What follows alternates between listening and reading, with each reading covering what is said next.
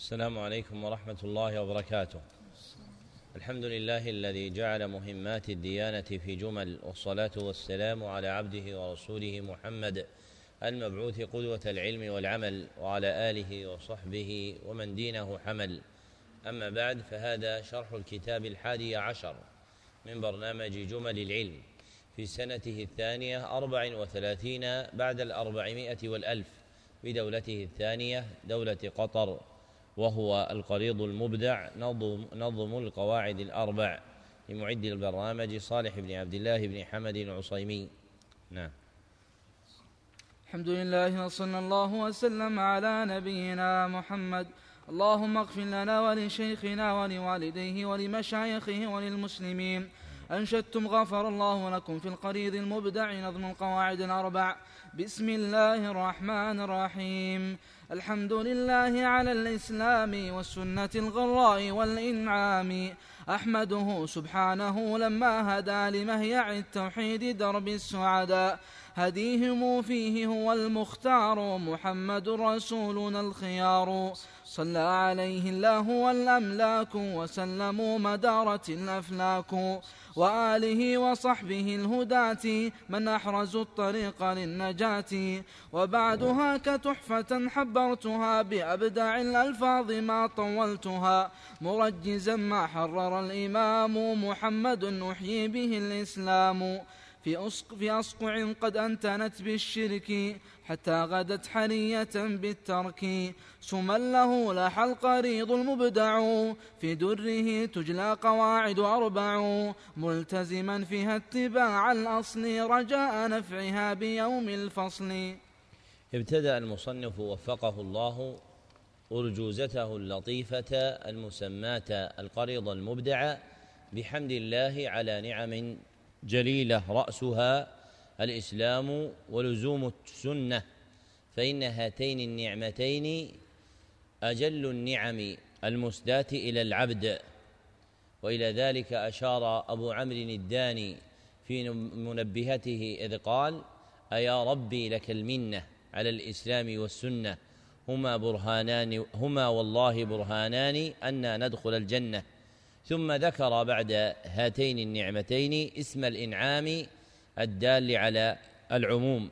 فأفراد نعمة الله عز وجل لا تنحصر كما قال تعالى وإن تعدوا نعمة الله لا تحصوها وأعظم النعم النعمة التي يصلح بها حال الإنسان في قلبه وروحه وهي نعمة الإسلام واتباع سنة النبي صلى الله عليه وسلم.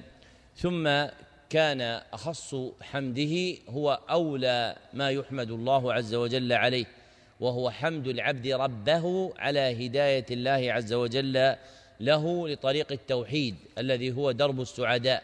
كما ثبت في الصحيح من حديث أبي هريرة رضي الله عنه أنه قال للنبي صلى الله عليه وسلم من أسعد الناس بشفاعتك. فقال من قال لا إله إلا الله خالصا من قلبه فدرب السعداء هو توحيد الله عز وجل.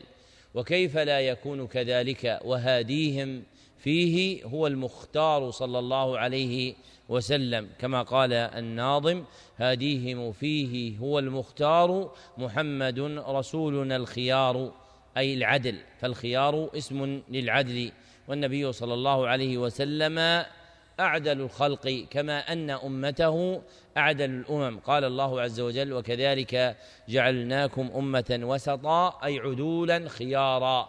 فالعدالة التامة للنبي صلى الله عليه وسلم ولأمته من بعده. ثم ذكر رحمه الله تعالى في تعظيم الصلاة على النبي صلى الله عليه وسلم قوله صلى عليه الله والأملاك وسلموا ما دارت الأفلاك. يعني يعني أفلاك النجوم في السماء. وهذا كما سلف تعظيم للصلاة والسلام عليه من جهة الكيفية لا من جهة الكمية. فلو قال أحد صلى الله على محمد عدد الأفلاك كانت الصلاة الواقعة منه واحدة. ولكنها صلاة معظمة كيف؟ معظمة كيف؟ فتتكرر الصلاة في عددها باعتبار ما يكون معدودا جاريا على اللسان منها. فإذا قال صلى الله على محمد صلى الله على محمد فإنه يكون صلى عليه صلاتين. وكل صلاة باعتبار ما يحتف بها من التعظيم والإجلال بما يذكر فيها كنحو المذكور في قوله ما دارت الأفلاك ثم أتبع الصلاة والسلام عليه بالصلاة والسلام على آله وصحبه معللا ذلك بقوله من أحرزوا الطريق للنجاة أي الذين أدركوا ونالوا طريق النجاة ووقفوا عليها ثم ذكر الناظم بعد حمد الله والصلاة والسلام على النبي صلى الله عليه وسلم أن هذه المنظومة تحفة محبرة. فقال وبعد هاك تحفة حبرتها أي زينتها. فالتحبير هو التزيين والتزيين واقع بأبدع الألفاظ المنتخبة المناسبة للمقام دون تطويل. فإن حقيقة البلاغة البيان عن المراد بأوجز عبارة البيان عن المراد بأوجز عبارة. فالاختصار من محاسن المقاصد في الكلام. ولا سيما في التعليم. ولهذا كان القرآن الكريم اختصارا وكانت سنة النبي صلى الله عليه وسلم اختصارا. فإن القرآن منتظم في أربع عشر أربع عشرة سورة بعد المئة والله قادر على أن يملأ هذا المكان كله من السور المنزلة في الكتاب. لكن جيء بها جمعا للمقاصد وإيصالا للكليات. وكذلك كانت سنته صلى الله عليه وسلم فكان يجمع المعنى الجليل في الكلام القليل صلى الله عليه وسلم. وهذه المنظومة الموضوعة على وجه الإيجاز جعلها مصنفها على بحر الرجز كما قال مرجزا ما حرر الإمام محمد أحيي به الإسلام أي ناظما. مقاصد هذه الأرجوزة على بحر الرجز والرجز بحر من بحور الشعر أجزاؤه مستفعلا ست مرات كما قال أحمد الهاشمي والبحر والرجز البادي لنا ثناؤه مستفعلا ستا ترى أجزاؤه. والمرجز في هذه المنظومة هو كتاب لطيف للإمام محمد بن عبد الوهاب بن سليمان التميمي رحمه الله تعالى الذي أحيا الله عز وجل به الإسلام والسنة في بلاد كانت مليئة بالشرك. حتى غدت حقيقة بحرية يعني حقيقة بالترك وذلك بالهجرة إليها. فكانت أحوال الناس فيها على ما ذكره حفيده في المقامات وابن حفيده عبد الرحمن عبد اللطيف ابن عبد الرحمن من أحوال الناس في وقوعهم في الشرك والبدع والضلالات. فجاء رحمه الله تعالى بإحياء أي ببعث وإنعاش الدين الذي بعث به النبي صلى الله عليه وسلم والإحياء للدين يضاف إلى غير النبي صلى الله عليه وسلم ووردت فيه أحاديث. أما وضع الدين بالبلاغ عن الله فهذا للنبي صلى الله عليه وسلم وحده. والكتاب الذي رام نظمه من تآليف الإمام محمد بن عبد الوهاب هو كتاب القواعد الأربع كما قال سمن له لاح القريض المبدع في دره في دره تجلى القواعد أربع فهو عمد إلى نظم رسالة القواعد الأربع.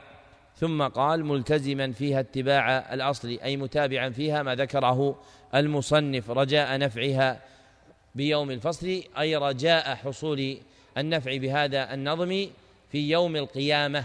وسمي يوم القيامة يوم الفصل لأن الله عز وجل يفصل فيه بين المؤمنين والكافرين فيكون منتهى المؤمنين إلى الجنة ويكون منتهى الكافرين إلى النار.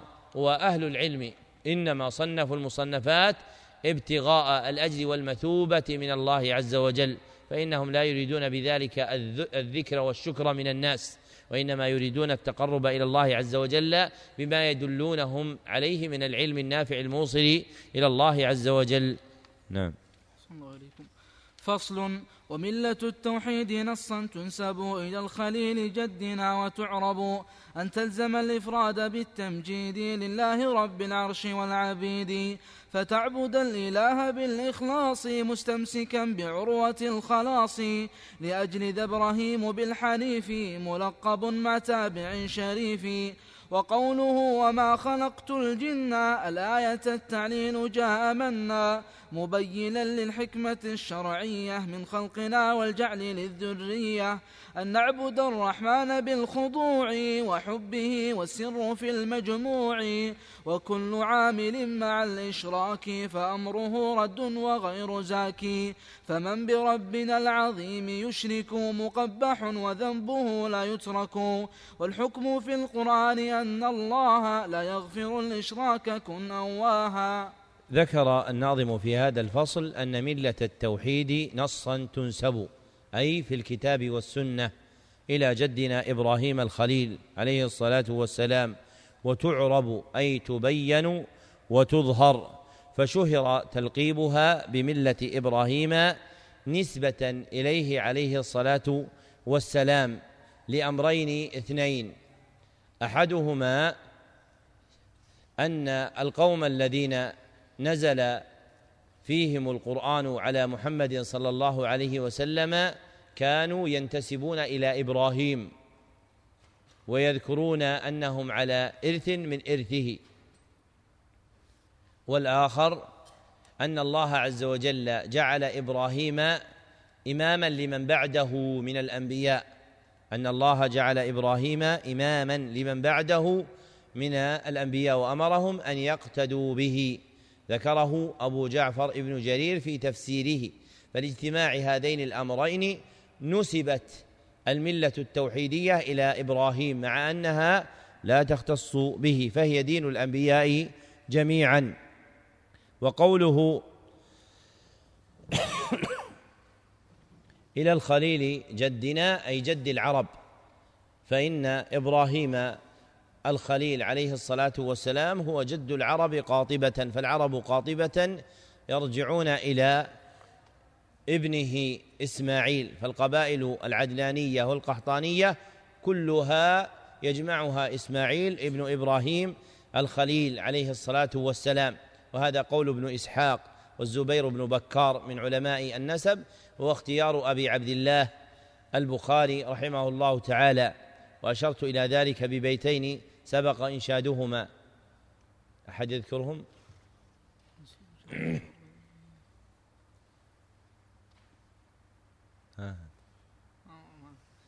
أشرت إلى ذلك في معاقد الأنساب بقولي وانسب جميع العرب للذبيح. وانسب جميع العرب للذبيح عدنان أو قحطان في الصحيح. عدنان أو قحطان عدنان مع قحطان في الصحيح. فهو أبو قحطان في قول جلي دليله عند البخاري منجلي. فهو يعني من؟ إسماعيل. فهو أبو قحطان في قول جلي دليله عند البخاري منجلي. ودليله تجدونه في البخاري في باب نسبة أهل اليمن إلى إسماعيل. يعني نسبة القبائل القحطانية إلى إسماعيل عليه الصلاة والسلام.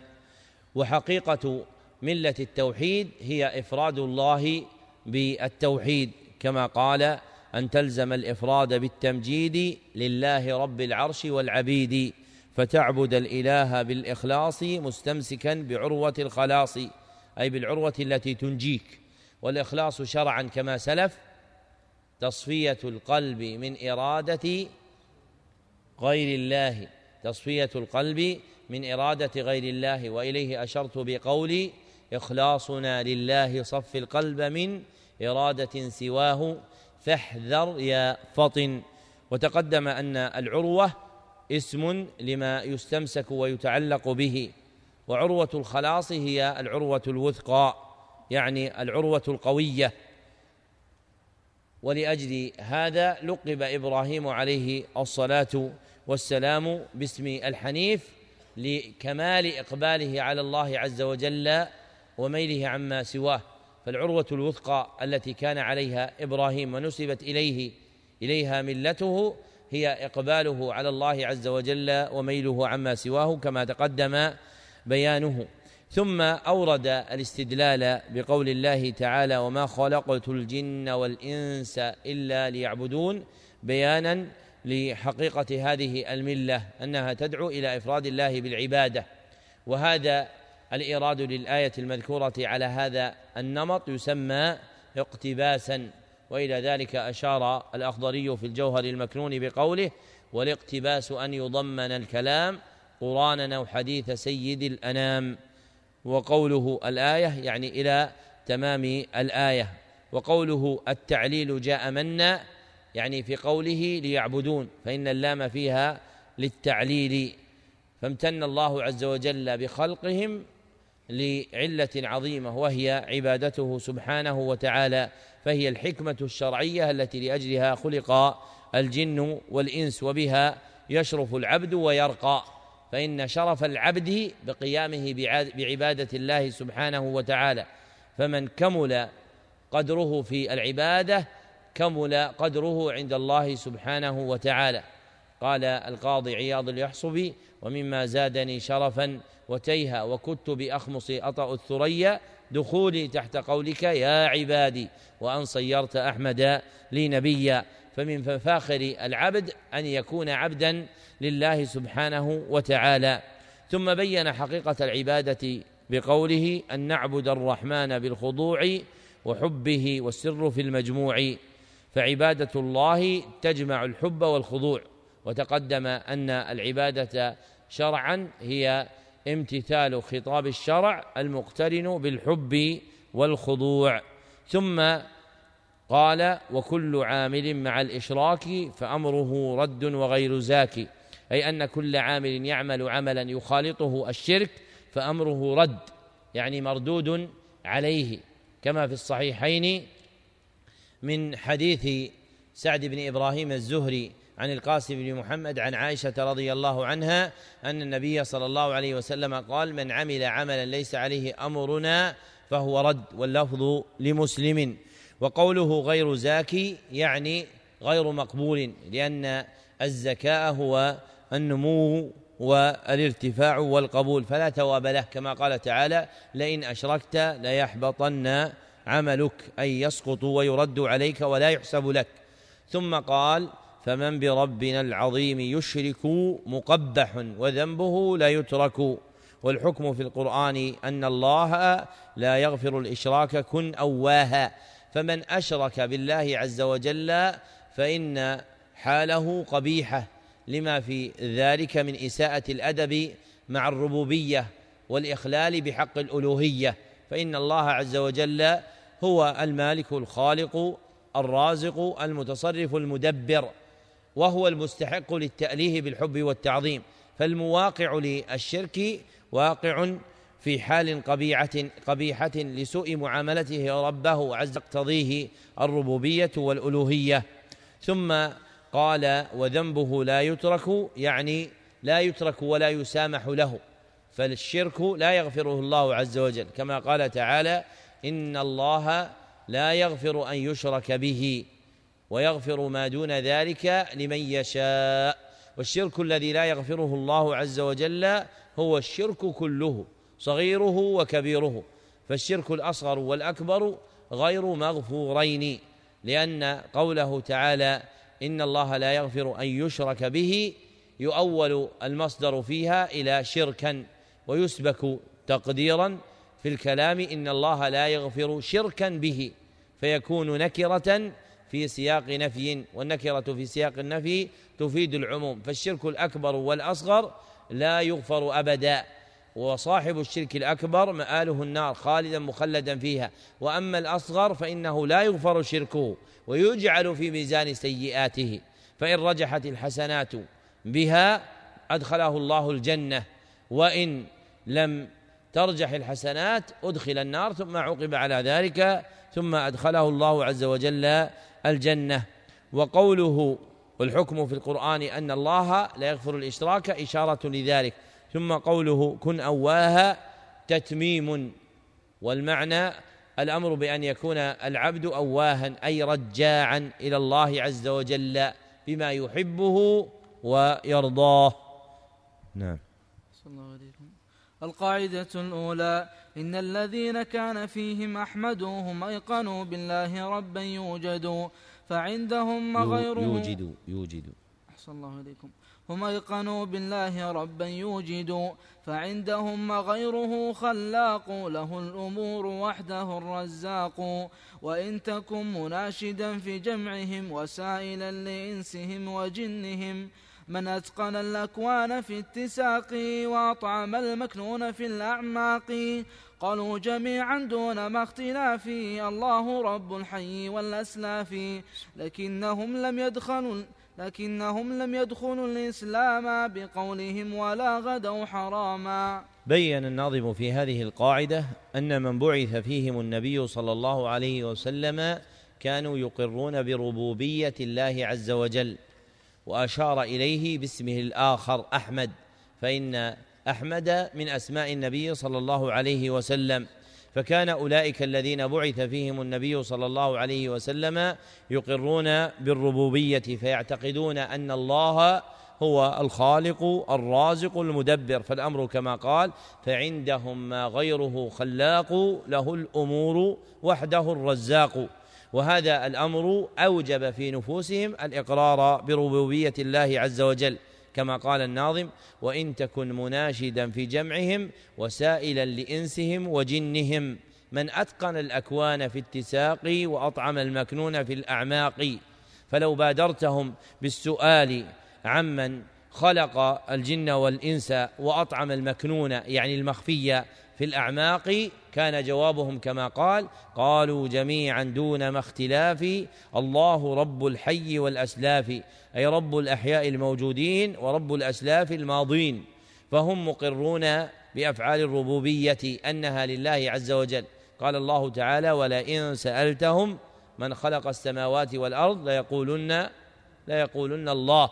فهم مقرون بربوبية الله عز وجل بأفعاله في خلقه ورزقه وملكه وتدبيره لظهور شواهدها وقوة سلطانها وهيمنتها على القلب. فإن العبد إذا قلب ناظريه في ملكوت السماوات والأرض بادرته شواهد الربوبية مخضعة قلبه ملجمة سلطانه موقعة نفسه في الإقرار قطعا أن هذا الكون له مكون وأن هذا الخلق له خالق كما قال الشاعر تأمل في نبات الأرض وانظر إلى آثار ما صنع المليك. عيون من لجين شاخصات بأحداق هي الذهب السبيك.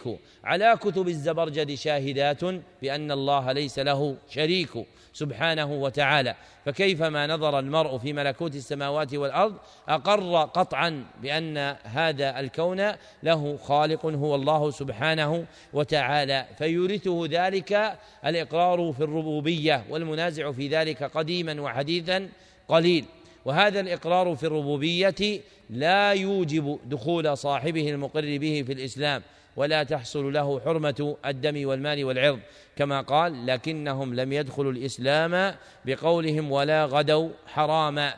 أي لم يكونوا مسلمين بالإقرار بالربوبية ولا صاروا ممن يحرم دمه وماله وعرضه. فإقرارهم بالربوبية لم يكن كافيا في حصول اسم الإسلام لهم ولا موجبا الحرمة لهم. وهذا الإقرار الذي يذكر للمشركين إقرار ناقص غير كامل فليس مساويا إقرار المؤمنين. فإن إقرار المشركين بالربوبية يفارق إقرار الموحدين من جهتين فإن إقرار المشركين بالربوبية يفارق إقرار الموحدين من جهتين. إحداهما أن إقرار المؤمنين كلي عام أن إقرار المؤمنين كلي عام. لا يتخلف عنه فرد من الأفراد المندرجة في توحيد الربوبية. والجهة الثانية أن إقرار الموحدين خال من الاعتقاد المخالف للحق. أن إقرار المؤمنين بالربوبية خال من الاعتقاد المخالف للحق. وأما إقرار المشركين بالربوبية ففيه ما يخالف الاعتقاد الصحيح. فبين الطائفتين بون شاسع في الإقرار فهم يشتركون في وجود الإقرار لكنهم يفترقون في حقيقة ما لكل ووجدان أصل الإقرار عند المشركين في الربوبية كاف في صحة نسبة هذا الأمر إليهم ولذلك جعله مصنف الأصل القاعدة الأولى. نعم. القاعدة الثانية ومن مقالهم لأجل القربة شفاعة توجهوا في الإربة ليحصل الإدراك للمراتب والدفع للأضرار والمعايب. وقد أتى في وحينا القرآن شفاعة حدت مع البرهان بأنها نوعان منها المنفي ومثبت منها بغير حرف فالأول المنفي عن الكفار الخالدين أبدا في النار والمثبت الله به تفضل على مشفع ومشفوع تلا بشرطه الذي أتى صريحا عن ربنا حتى بدا فصيحا. ذكر الناظم في القاعدة الثانية أن المشركين الأولين زعموا أنهم اتخذوا شركاء من دون الله لأجل أمرين. أحدهما تحصيل القربة والآخر تحصيل الشفاعة. وهذا معنى قوله ومن مقالهم لأجل القربة شفاعة توجهوا في الإربة يعني في حاجاتهم فهم يقصدون بذلك رفعة الدرجات ودفع المضرات بما ينالون من القربة والشفاعة كما قال ليحصل الإدراك للمراتب والدفع للأضرار والمعايب. فمتى فازوا بالقربة والشفاعة؟ حصلت لهم المراتب الرفيعة واندفعت عنهم المعايب الوخيبة في ظنونهم الفاسدة. ثم بين أن الله ذكر في القرآن أن الشفاعة على نوعين.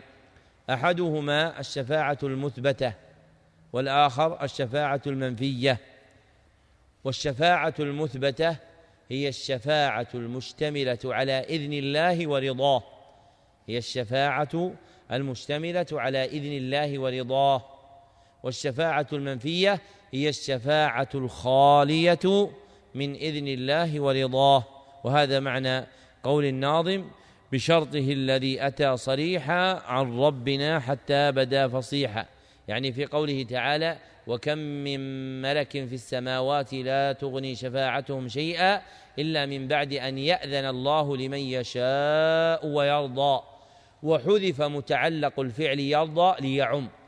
فإنه يجمع رضاه سبحانه وتعالى عن الشافع ورضاه سبحانه وتعالى عن المشفوع له. والشفاعة المنفية من أفرادها الشفاعة للكفار فإن الشفاعة منفية عنهم كما قال تعالى فما تنفعهم شفاعة الشافعين ثم أشار إلى ذلك النوعين بقوله فالأول المنفي عن الكفار الخالدين أبدا في النار والمثبت الله به تفضل على مشفع ومشفوع تلا بشرطه الذي أتى صريحا عن ربنا حتى بدا فصيحا. وحقيقة الشفاعة الشرعية أنها سؤال الشافع الله حصول نفع للمشفوع له.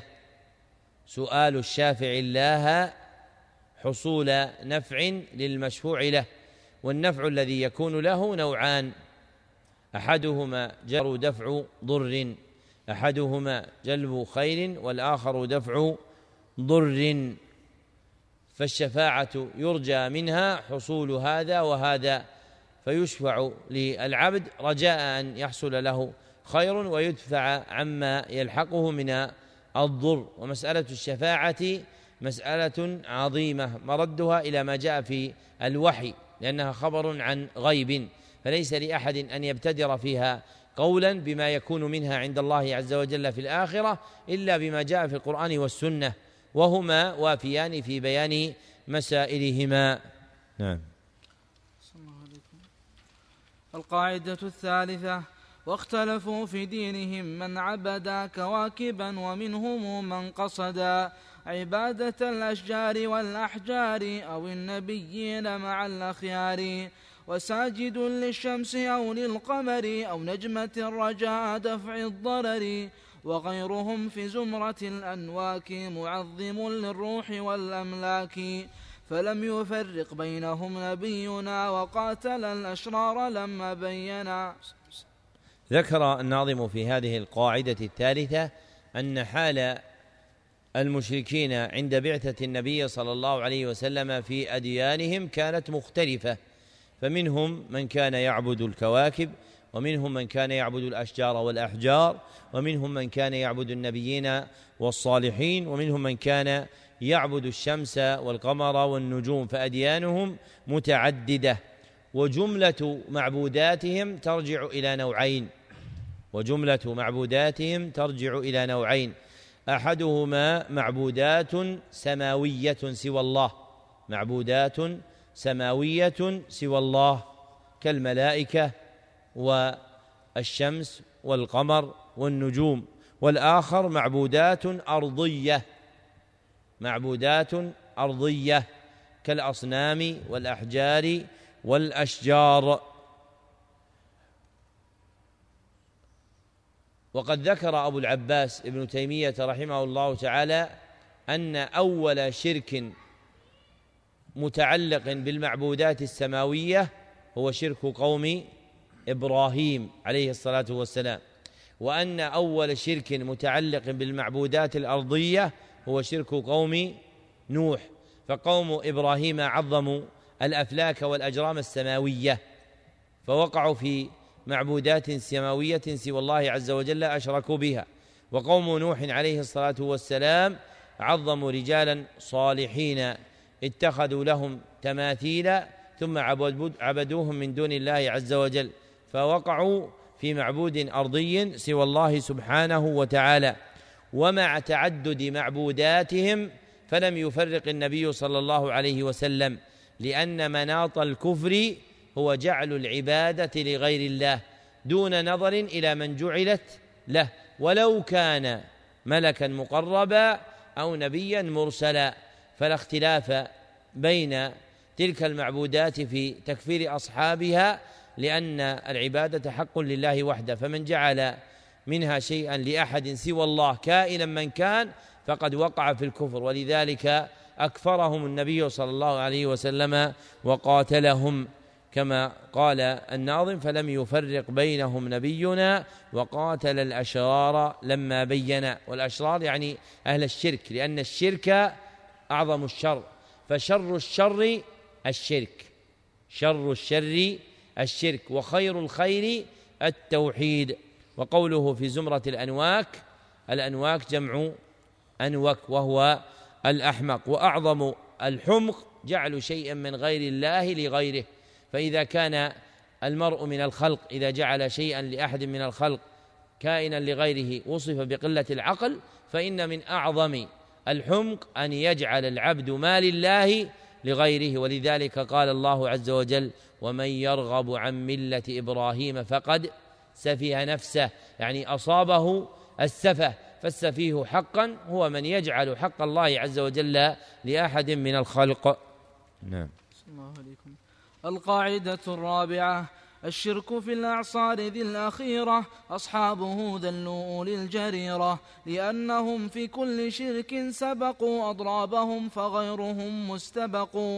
فالأولون مشركون في الرخاء وهؤلاء شركهم بلا ارتخاء ذكر الناظم وفقه الله في هذه القاعدة الرابعة الفرق بين الشرك المتقدمين وشرك المتأخرين. فإن المتأخرين أربوا في الشرك على الأولين واقتصر الناظم على ما ذكره صاحب الأصل من أن الأولين كانوا يشركون في الرخاء ويخلصون في الشدة. قال الله تعالى فإذا ركبوا في الفلك دعوا الله مخلصين له الدين فلما نجاهم إلى البر إذا هم يشركون.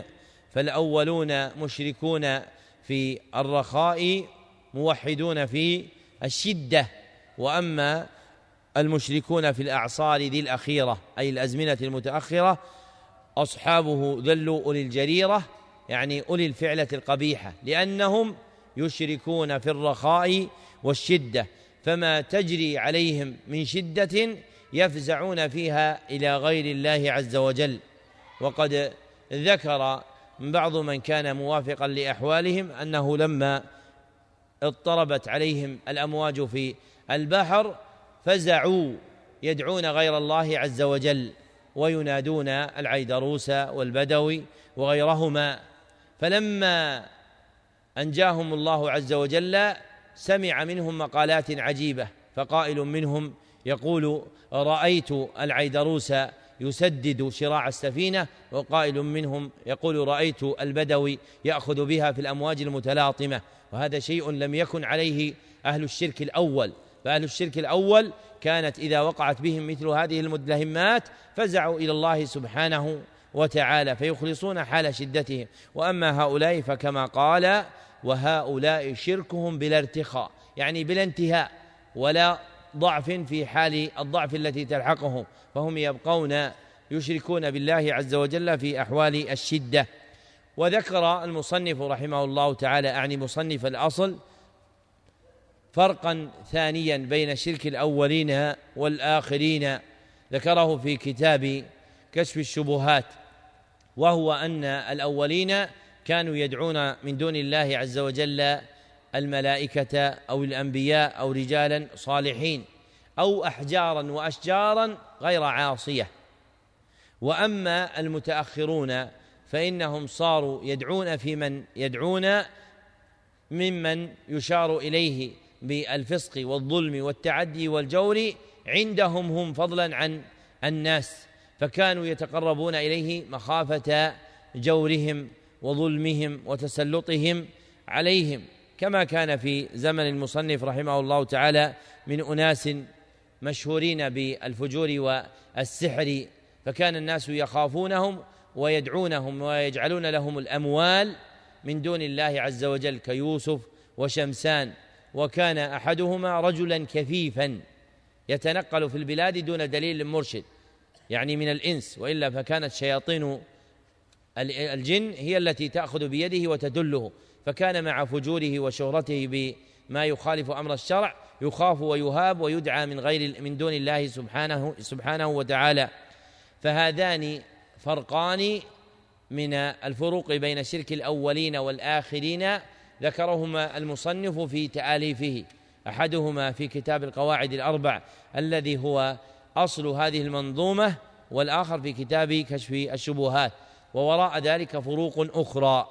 فالفرق الثالث أن المتأخرين صاروا يدعون معبوداتهم من دون الله سبحانه وتعالى على جهة الاستقلال. أما الأولين فكانوا يدعون أولئك من دون الله على وجه التبع كما كانوا يقولون في تلبيتهم لبيك لا شريك لك إلا شريكا هو لك فهو تابع لله سبحانه وتعالى تملكه وما ملك. والفرق الرابع أن الأولين كانوا يعتقدون أن ما هم عليه مخالف لدعوة الرسل. وأما المتأخرون فيعتقدون أن ما هم عليه موافق لدعوة الرسل. فكان الأولون إذا قيل لهم قولوا لا إله إلا الله قالوا أجعل الآلهة الها واحدة إن هذا لشيء عجاب. وأما المتأخرون فإنهم يزعمون أنهم من أهل لا إله إلا الله ثم يدعون غير الله سبحانه وتعالى. ذكر هذا الفرق عبد اللطيف ابن عبد الرحمن ابن حسن رحمه الله تعالى في جواب الله والفرق الخامس أن المتأخرين يرون أن التعلق بالصالحين من حقهم. يرون أن التعلق بالصالحين من حقهم ولم يكن الأولون يعتقدون ذلك فالمشركون المتأخرون يرون أن من حق الرجل الصالح علينا أن يتعلق به العبد فيما يرجوه ويؤمله وفيما يخافه ويرهبه ولم يكن الأولون على هذا. والفرق الخامس أو السادس أن شرك الأولين جله في توحيد الألوهية. أن شرك الأولين جله في توحيد الألوهية. وأما المتأخرون فشركهم كثير في الربوبية والألوهية والأسماء والصفات. والفرق السابع أن المشركين كانوا يعظمون الله ويعظمون شعائره. وأما المتأخرون فليسوا كذلك. فكان الأولون يعظمون بيت الله عز وجل ويعتقدون أن الكعبة أفضل من بيوت أصنامهم ويعظم أحدهم اليمين بالله عز وجل ويعيذون من عاذ ببيت الله عز وجل. وأما المتأخرون فإنهم لا يعظمون الله ولا يعظمون شعائره.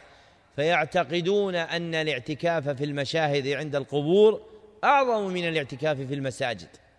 لأنه عند الاعتكاف في تلك المشاهد يواجه رجلا صالحا يعتقد فيه. وأما المساجد فليس فيها ذلك الرجل الصالح الذي يتوجه إليه. وتجد أحدهم يجترئ على أن يحلف بالله كاذبا ولا يحلف بمعظمه كاذبا. فيحلف بالله عز وجل مع علمه بكذبه وإذا أريد أن يحلف بمعظمه ممن يعتقد فيه لم يجترئ على ذلك تعظيما لذلك المعظم ولم يكن المشركون الأولون على ذلك. والفرق التاسع أن الأولين كم؟ والفرق الثامن أن الأولين لم يكونوا معظميهم التصرف الكلي المستقل. أن الأولين لم يكونوا يعتقدون في معظميهم التصرف الكلي المستقل. ولذلك يقولون تملكه وما ملك فملكه تابع لملكك. وأما المتأخرون فإن سوادا عظيما منهم يعتقدون أن لمعظميهم استقلالا كليا. حتى قال قائلهم إن النملة لا تدخل أرض كذا وكذا إلا بإذن من الولي الفلاني. يعني النملة الذرة الصغيرة لا تدخل تلك الأرض إلا بإذن من ذلك الولي. وهذا شيء لم يكن عند الجاهلية الأولى. والفرق التاسع أن المشركين الأولين كانوا يرجون آلهتهم في قضاء حوائج الدنيا. كانوا يرجون آلهتهم في قضاء حوائج الدنيا. كرد غائب ووجدان مفقود. وأما المتأخرون فإنهم يرجون من معظميهم قضاء حوائج الدنيا والآخرة. قضاء حوائج الدنيا والآخرة. فيريدون منهم كل حاجة في الدنيا والآخرة. طيب لماذا كان الأولون لا يرجون منهم شيئا في الآخرة؟ وإنما يرجون ما في الدنيا. نعم. لا يؤمنون بالبعث. طيب.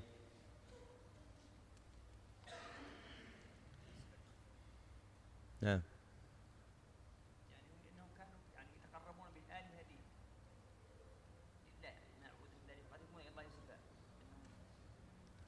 هاي ناصر. نعم. إيش؟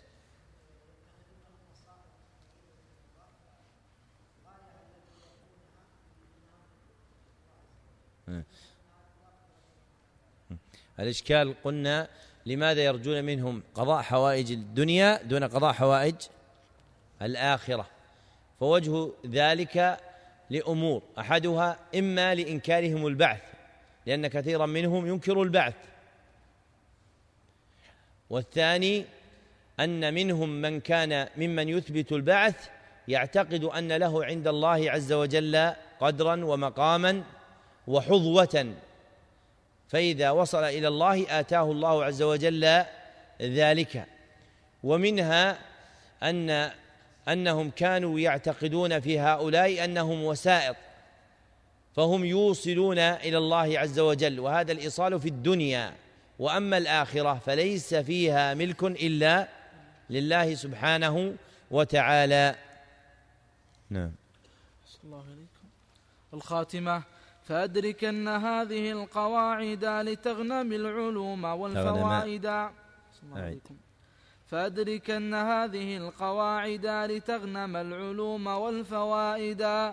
مع دعوة بالخير للإمام تعداد هاطل من الغمام. أكملتها بطيبة المطيبة على اشتغالي بالعلوم الطيبة.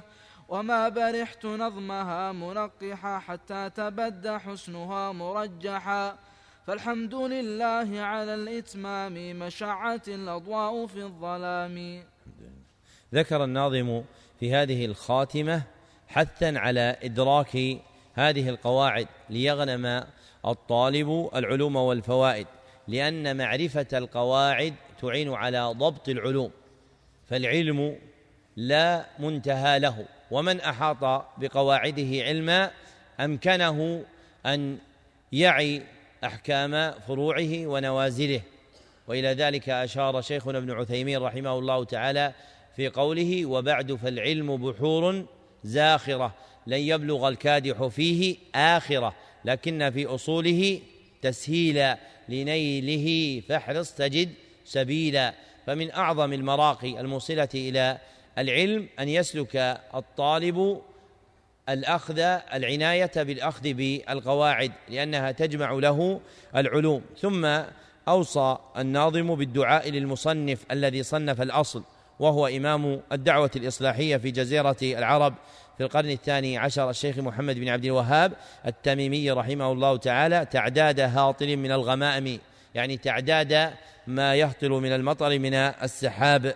والمقصود أن يدعو له الإنسان دعاء كثيرا لما له رحمه الله تعالى من الفضل. وكان العارفون بما كان عليه الناس قبل يشهدون هذا الفضل له. فإنهم كانوا يعرفون أن الناس في الجبيلة يذهبون إلى قبر زيد بن الخطاب ويدعونه وكانوا يرون النساء يذهبن في منفوحة إلى نخلة عظيمة يرجون منها حصول الزواج والولد. فلما عرفوا ما عندهم مما كان من الشرك وعرفوا ما عندهم من التوحيد عرفوا فضل هذا الرجل. وهم لا يعرفون من فضل هذا الرجل إلا أنه أرشدهم إلى الله. فلما أرشدهم إلى الله بما بين لهم من الكتاب والسنة صار عندهم هاديا مرشدا لا أنه مستقل بالتبع في نفسه. ولهذا لما وصل بعض أصحابه إلى بعض أطراف البلاد اليمانية قال له رجل من علمائهم إنكم إنما تتبعون هذا الرجل لأجل ذاته. فقال إنما نتبعه لأجل ما بين لنا من الكتاب والسنة. وإني أشهدك أن محمد بن عبد الوهاب لو قام من قبره فأمرنا أن نترك ما كنا ما نحن عليه الآن لم نطعه لأننا عرفنا به القرآن والسنة. فلما وصلنا إلى القرآن والسنة لم نحتج إلى اتباعه في كل ما يقول. فإذا تبين لنا أن قوله هو خلاف الكتاب والسنة تركنا قوله وأخذنا بما فهمنا من الكتاب والسنة. ولهذا كان من مضى رحمهم الله تعالى يعرفون قدره. وفي بلاد نجد وغيرها اوقاف عليه رحمه الله تعالى ووصايا بالأضاحي. وكان بعض الصالحين يكتب في وصيته أن يطبع من كتب هذا الرجل ويقسم الآلاف بعد موته ابتغاء نشر دعوته. فأحد الصالحين قبل سنين عددا أمر بأن يطبع من كتاب ثلاثة الأصول عشرة آلاف نسخة وأن توزع على المسلمين لمعرفته بقدر ما فيها من العلم النافع لأن فيها أسئلة القبر الثلاثة معرفة الله ومعرفة النبي صلى الله عليه وسلم ومعرفة دين الإسلام. ولا يختص هذا به بل كل داع إلى الخير والهدى والتوحيد والسنة. ينبغي أن يعرف الناس حقه إذا أرشدهم وهداهم إلى خلاف ما كانوا عليه من الضلالة. فإذا أرشدهم إلى الحق بعد الضلالة وإلى الهدى والنور كان من حقه عليهم أن يحفظوا حقه بالدعاء والإحسان إليه. ثم قال أكملتها بطيبة المطيبة يعني بالمدينة النبوية. حال اشتغالي بالعلوم الطيبة أي حال اشتغالي طالبا بأخذ العلم عن علمائها. ثم قال وما برحت نظمها منقحا أي لم أزل منقحا نظمها حتى تبدى حسنها مرجحا يعني بدت ظاهرة للحسن نافعة في نشرها. فالحمد لله على الإتمام ما شعت الأضواء في الظلام وبتمامها. تم بحمد الله عز وجل مقاصد البيان لهذه المنظومة على وجه الإيجاز. اكتبوا طبقة السماع. سمع علي جميع لمن حضر الجميع منظومة القريض المبدع نظم القواعد الأربع. بقراءة غيره في البياض الثاني بقراءة غيره صاحبنا فلان بن فلان الفلاني فتم له ذلك في مجلس واحد بالميعاد المثبت في محله من نسخته وأجزت له روايتها عني إجازة خاصة من معين لمعين في معين والحمد لله رب العالمين. صحيح ذلك وكتبه صالح بن عبد الله بن حمد العصيمي ليلة السبت الثالثة عشر من ربيع الآخر سنة أربع وثلاثين بعد الأربعمائة والألف في جامع عمر بن الخطاب رضي الله عنه بمدينة دوحة. نسأل الله عز وجل أن يوفقنا جميعا لما يحب ويرضى. الحمد لله رب العالمين. صلى الله وسلم على عبد رسول محمد وآله وصحبه أجمعين. والسلام عليكم ورحمة الله وبركاته.